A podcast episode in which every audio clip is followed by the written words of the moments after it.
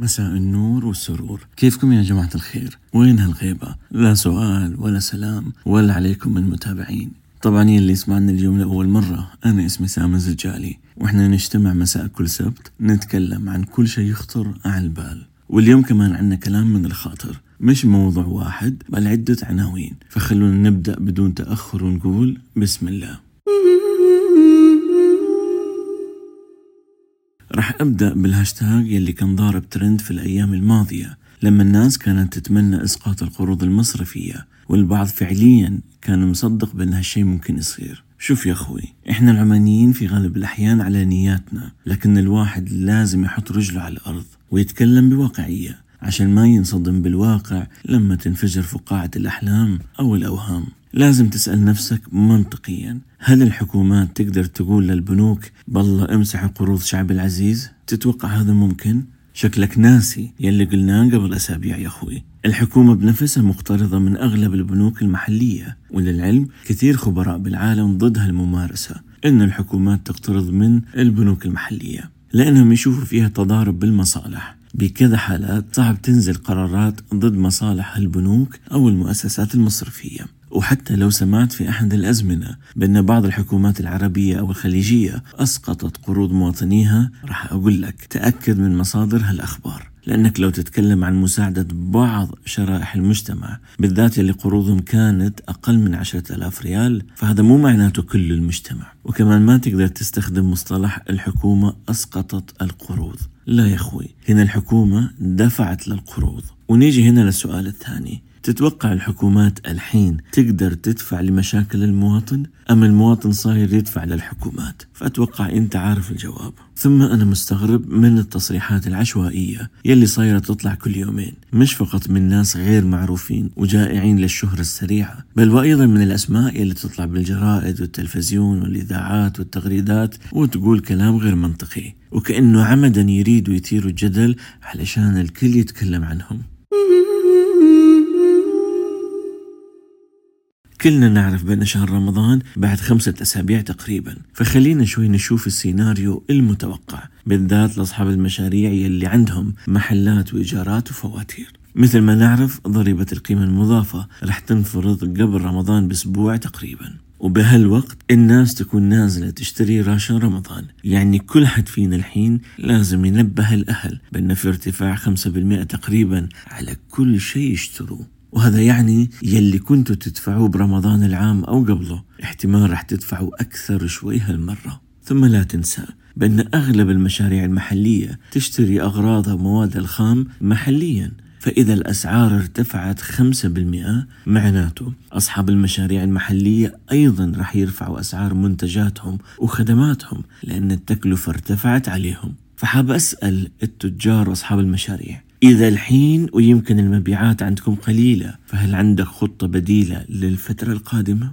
لذلك أنت كتاجر لازم تتوقع في أسوأ الأحوال القوة الشرائية لدى المواطن راح تتأثر بسبب أولا ضريبة القيمة المضافة ثانيا المواطن راح يدفع فلوسه لراشن رمضان وبالتالي يمكن ما يقدر يتسوق أكثر مثل كل سنة لذلك التجار وأصحاب المشاريع المحلية لازم من الحين يفتحوا عيونهم على هالتوقعات ولازم يرتبوا لخطه بديلة بالذات أصحاب المطاعم المقاهي. ترى برمضان أصلا الناس ما تشتري وتأكل من برا وفوقها سالفة الضرائب. فأتوقع هالمشاريع المحلية رح تمر بفترة صعبة لين الصيف لما يضعف الفيروس ويمكن ترجع تفتح بعض النشاطات. وهنا ممكن بعض أصحاب المشاريع راح يسألوني طيب يا دكتور إيش نقدر نعمل الحين؟ ما نعرف طريقة للترويج غير الإنستغرام أو بمساعدة بعض المؤثرين أو المشاهير. وكمان ما نقدر دوم نعطيهم منتجاتنا وخدماتنا ببلاش ولا نقدر ندفع لهم مبالغ باستمرار. صحيح أنا معكم بهالنقطة. وكمان حاب أقول كلمة من الخاطر هنا. كنت أتمنى من بعض الزملاء أنهم يحطوا مصلحة الناس فوق مصالحهم الشخصية.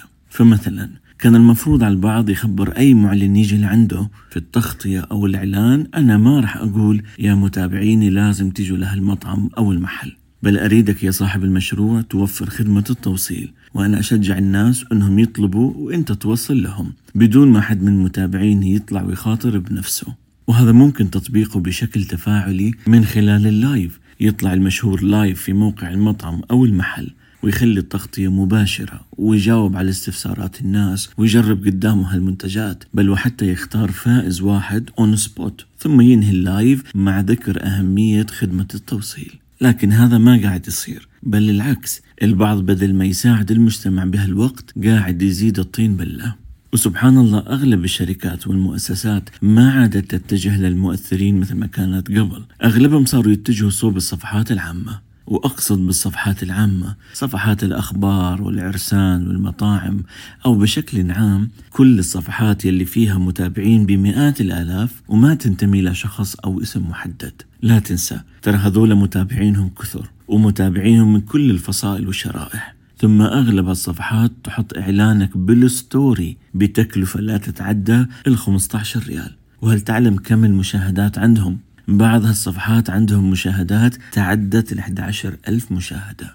اسأل نفسك إيش الهدف من الإعلان غير أنك توصل لأكبر شريحة ممكنة من الجماهير؟ فبعد هالحلقة روح صمم إعلانك وحط فيه أقوى عروضك واختار كذا صفحة عامة علشان تعلن عندهم بالستوري. ولا تنسى تعطيهم رابط الواتساب مالك علشان المتابعين يرفعوا الشاشة ويوصلوا لك مباشرة للواتساب.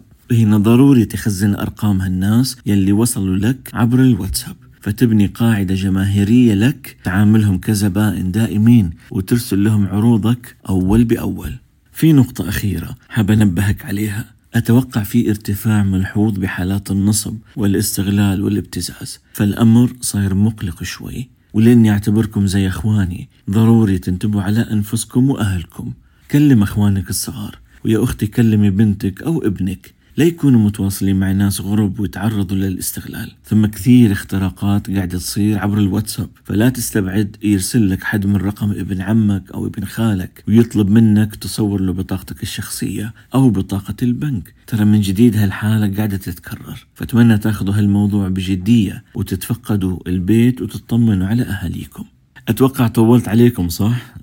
ما عليه ترى إلا مرة بالأسبوع. لكن إن شاء الله لقائنا الأسبوع القادم وأتمنى لوقتها تكونوا بصحة وعافية. وربنا يوفقكم ويخلي لكم أهاليكم وأحبائكم وتصبحون على ألف خير في أمان الله.